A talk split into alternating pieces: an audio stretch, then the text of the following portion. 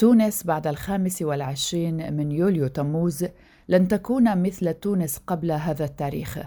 منعرج الفصل ثمانون انقلاب دستوري أو تصحيح للمسار الشرعية والمشروعية. هذا ما يتداول في الشارع التونسي منذ قرار رئيس الجمهورية قيس سعيد تفعيل الفصل 80 من الدستور التونسي وما رافقه من قرارات. أهلا بكم.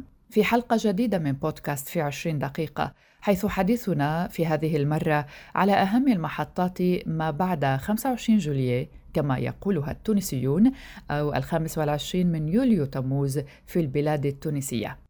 يعتبر تاريخ الخامس والعشرين من يوليو تموز 2021 لحظة مفصلية في تاريخ الجمهورية التونسية وفي ذاكرة التونسيين والتونسيات أو هكذا أريد له يعني هذا وضع حدود صارمة بين طريقة إدارة البلاد وبناء العلاقات والممارسات السائدة وسلم ترتيب الأولويات.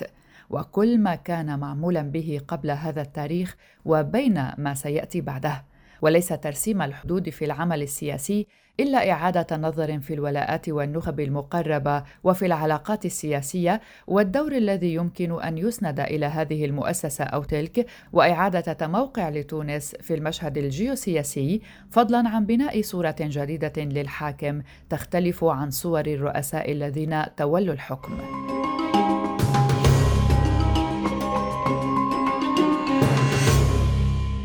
الطريق إلى الفصل 80 مر بعديد المراحل والأزمات خاصة بين الرئيس قيس سعيد من جهة ورئيس الحكومة المقال هشام المشيشي وحليفه راشد الغنوشي من جهة أخرى.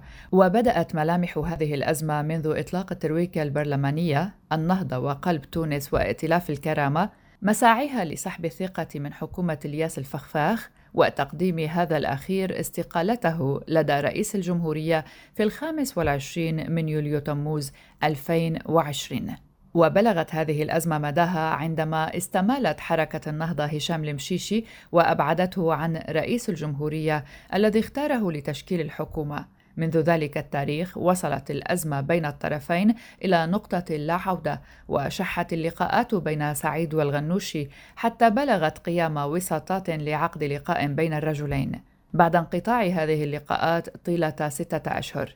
وساطة لم تنجح في تقريب وجهات النظر بين الرجلين، بل إن قيس سعيد كان يشير في كل خطاباته إلى أن محاسبة الفاسدين ودويلات الفساد التي تتحكم في مصير تونس هي الأولوية القصوى من أجل إنقاذ ما تبقى من الدولة. ترافقت هذه الفترة مع غضب شعبي واسع بفعل تدهور الوضع الصحي وعدم قدرة الحكومة على توفير مستلزمات صحية على غرار الأكسجين الذي نفذ مخزونه في ذروة انتشار فيروس كوفيد-19 وهو ما تسبب في وفاة العشرات من التونسيين بالإضافة إلى عدم مرافقة الفئات المتضررة من إجراءات الحجر الصحي وغلق الأسواق والمحلات والتدهور الشامل على المستوى الاقتصادي والاجتماعي.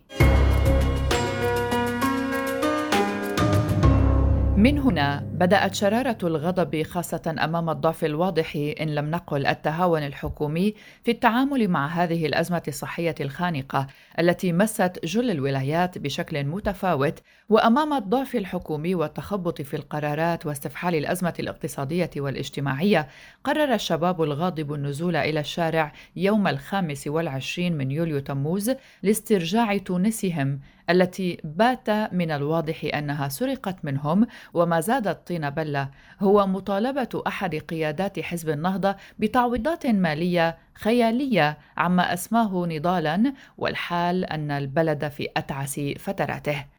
كان هذا الحراك عفويا ساهمت في تأجيجه وسائل التواصل الاجتماعي وعلى الرغم من شدة حرارة الطقس يومها وبالرغم من إجراءات الحجر الصحي إلا أن الشباب التونسي أصر على الانتفاضة من جديد. وفي نفس الليلة واستجابة لمطالب الشعب أعلن الرئيس قيس سعيد مساء الخامس والعشرين من يوليو تموز عن تفعيل الفصل 80 من الدستور بعد أن رأى ضرورة حفظ كيان الوطن وأمن البلاد واستقلالها وضمان السير العادي لدواليب الدولة كما يأتي في نص القانون. واتخذ بذلك جملة من القرارات أهمها إعفاء رئيس الحكومة من مهامه وتجميد البرلمان لمدة 30 يوما إضافة إلى رفع الحصانة البرلمانية عن كل أعضاء مجلس نواب الشعب وتوليه أي قيس سعيد السلطة التنفيذية بمساعدة حكومة يرأسها رئيس حكومة يعينها هو لاحقا. قرارات سعيد لقت ترحيبا واسعا من شريحة واسعة من التونسيين وقد خرج كثيرون منهم للاحتفال لا سيما بعد فرض منع السفر أو الإقامة الجبرية على عدد من الشخصيات السياسية ورجال الأعمال فضلا عن توقيف وملاحقة نواب في البرلمان قضائيا بعد أن رفعت عنهم الحصانة النيابية. فهل ما قام به قيس سعيد عمل انقلابي؟ السيد منير الشرفي رئيس المرصد الوطني للدفاع عن مدنية الدولة يقول رأيه في هذا الخصوص. كثيرا ما نقرأ انتقادات أساتذة القانون الدستوري لما أقدم عليه الرئيس قيس سعيد يوم 25 جويلية الماضي معتبرين إياه انقلابا على الدستور وعلى مؤسسات الدولة. لكن هذا الرأي يبقى في اعتقادي تقنيا بحتا ولا يأخذ في الاعتبار الوضع السياسي الفوضوي الذي أصبحت عليه البلاد في تلك الفترة والتي دام طيلة السنوات العشر الأخيرة. فوضى تسبب فيها حكم حركة النهضة الإخوانية سنوات شاهدنا فيها الاغتيالات السياسية والفساد المالي وانهيار الاقتصاد وإفراغ خسيلة الدولة وما إلى ذلك من رواسب قلة الوطنية وانعدام الكفاءة. التغيير المسار إذن لم يكن عملا قانونيا دستوريا بقدر ما هو عمل سياسي أي أن المشكل السياسي لابد له من حل سياسي حتى إذا تجاوز حسب بعض القراءات النص الحرفي لبعض فصول الدستور. هذا من حيث الإجراءات التي اتخذها الرئيس يوم 25 جويلية لكن أمام غياب خطة طريق واضحة للمرحلة المقبلة وامتناع الرئيس قيس سعيد عن التصريحات الإعلامية زاد من الغموض المحيط بالرئيس وإجراءاته المنتظرة. بدأت أطراف من داخل النهضة بالترويج لإمكانية عودة عمل البرلمان مع انتهاء مهلة الشهر في إطار خطط متكاملة لاستعادة الديمقراطية. وهي في الحقيقة تمهيد لعرض مصالحة بين النهضة والرئيس يتم بمقتضاها عودة البرلمان مع تعهد بالمصادقة على كل ما قرره وسيقرره قيس سعيد وغض النظر عن مسار المحاسبة الذي يتمسك به الرئيس والداعمون له. فقد ركز قيس سعيد في خطاباته على المحاسبة وإنفاذ القانون على الجميع دون استثناء ومحاسبة النواب في القضايا والتتبعات العدلية في حقهم والتي توقفت بموجب الحصانة التي يمنحها الدستور التونسي لنواب الشعب. هذا ما سبب تراجعا في توزيع الأدوار الذي اعتمدته حركة النهضة منذ تفعيل الفصل 80 والذي يعبر عن مأزق حقيقي تعيشه الحركة التي تجد نفسها لأول مرة خارج السلطة السلطة منذ انتخابات أكتوبر 2011 فبالرغم من تجنيد صفحاتها ومدونيها والنخبة المقربة منها في الداخل والخارج للترويج لما تعتبره انقلابا على الشرعية الدستورية لكنها كانت في نفس الوقت تبعث برسائل للداخل والخارج وللرئيس قيس سعيد بأنها مستعدة لمراجعة عميقة وشاملة وإعادة ترتيب بيتها الداخلي بفعل الصدمة التي أحدثها تفعيل الرئيس للإجراءات الاستثنائية حسب ما صرح به المتحدث السابق باسم النهضة عماد الحمامي. بل إن القيادي في النهضة والمعارض لسياسات راشد الغنوشي سمير ديلو أشار بكل وضوح في وسائل الإعلام التونسية إلى أخطاء جسيمة ارتكبتها حركته وهو ما أضر بمصلحة البلاد. التخبط الداخلي لحركة النهضة في تونس سبب أزمة غير مسبوقة منذ عام 2011 حيث بدأت الاستقالات تتوالى داخل الحزب وارتفعت إلى 131 عضوا وذلك في حصيلة مرشحة للارتفاع. وأعلن القيادي المستقل في حركة النهضة عبد اللطيف المكي ليلة الأحد استقالة 18 عضوا جديدا من الحركة بعد يوم واحد من استقالة جماعية ل 113 قياديا. ونشر قائمة محدثة ضمت 131 عضوا مستقلا. هذه الاستقالات جاءت احتجاجا على تعطل الإصلاح داخل الحزب وكرد فعل على التسيير غير السليم والسياسات الخاطئة التي اتبعها رئيسه راشد الغنوشي. ومن المتوقع أن تتسع موجة الاستقالات خلال الأيام والأسابيع المقبلة بحسب ما أعلنته القيادات المستقيلة من الحركة. ولم تكن هذه أول استقالات تشهدها النهضة التي تعيش منذ عامين على وقع شقاقات إلا أنها مختلفة عما سبقها. نظرا للعدد الكبير للمستقلين وثقل القيادات الخارجية في كنفها وشعبيتها ومدى تأثيرها على قواعد الحركة وقد تنال هذه الخطوة من بنية الحركة وتفككها وتطرح تساؤلات بشأن قدرة هذا الحزب على الصمود أكثر والاستمرار في المشهد السياسي في تونس.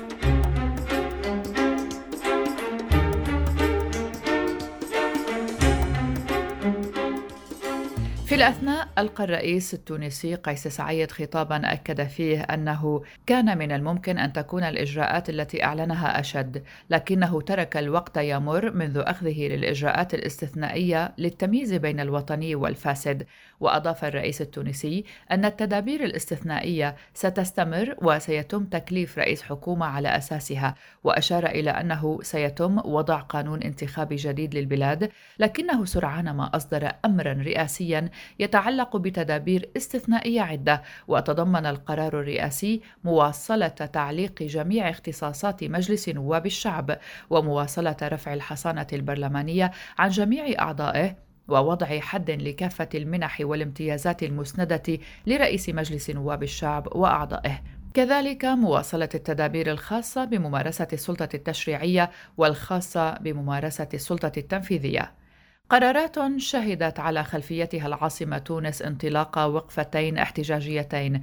إحداهما مناهضة للرئيس قيس سعيد والأخرى داعمة له وذلك تحت تشديدات أمنية واسعة. الوقفة المناهضة للرئيس سعيد تحمل شعار رفضا للاستبداد والفساد والثانية ينظمها أنصاره دعما له ولتدابيره الاستثنائية لكن ما رأي المجتمع المدني في هذه التدابير الاستثنائية؟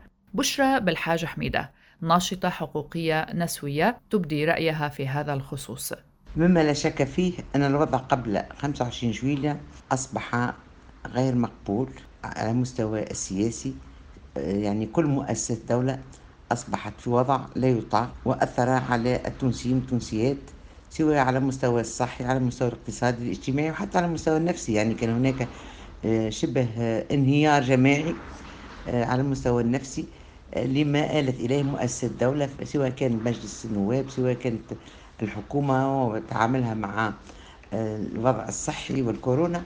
كل هذا يعني لا نقاش فيه. المسألة هل كان للرئيس حل آخر؟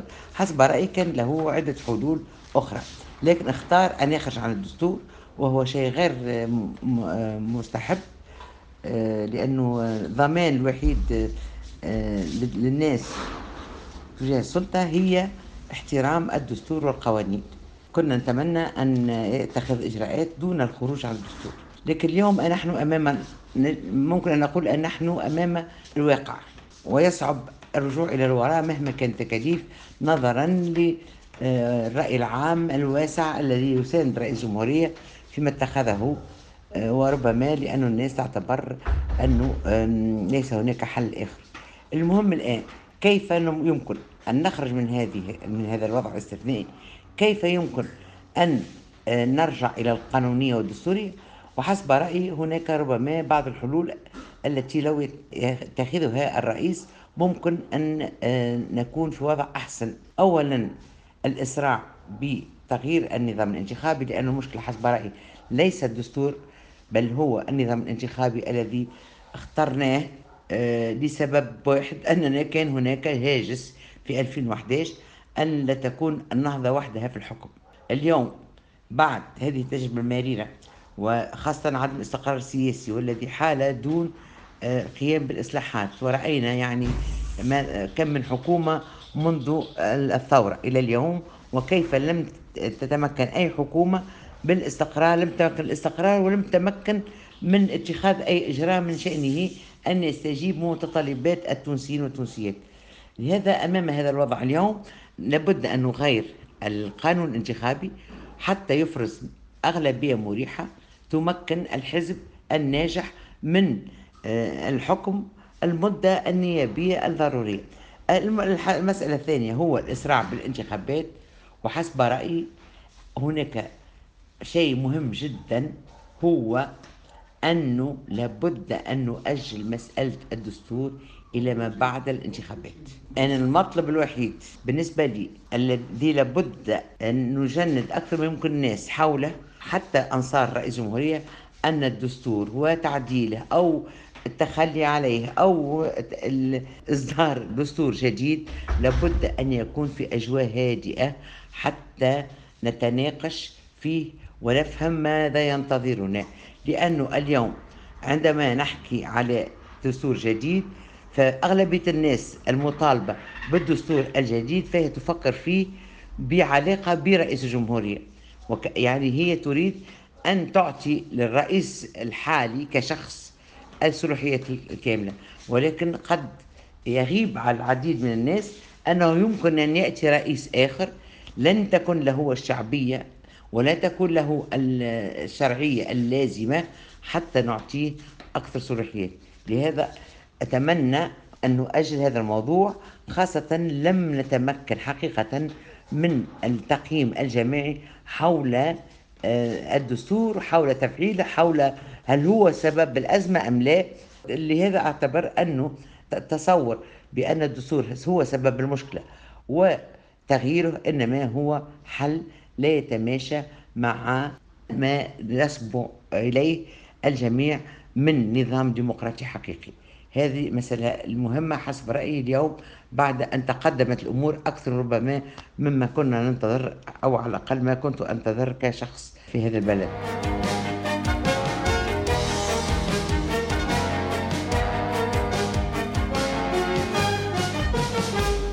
وبعد أكثر من شهرين من توليه السلطات وإقالة رئيس الحكومة هشام المشيشي وتعليق أعمال البرلمان كلف الرئيس التونسي قيس سعيد الأربعاء الماضي امرأة غير معروفة في المشهد السياسي هي نجلاء بودن بتشكيل حكومة جديدة. وهذه هي المرة الأولى في تاريخ البلاد الرائد في مجال الحقوق والحريات والمنطقة العربية يتم فيها تعيين امرأة على رأس السلطة التنفيذية. نجلاء بودن ولديها 63 عاما من مواليد محافظة القيروان أستاذة جامعية متخصصة في الجيولوجيا. لم تظهر بودن في المشهد السياسي سابقا ولا يعرف أن لها انتماءات حزبية أو اصطفافا وراء توجهات سياسية معينة. أكد سعيد في مقطع فيديو نشرته الرئاسة على موقعها على فيسبوك على البعد التاريخي لخياره وقال لأول مرة في تاريخ تونس امرأة تتولى الرئاسة حتى نهاية التدابير الاستثنائية وسنعمل معا على القضاء على الفساد والفوضى التي عمت الدولة.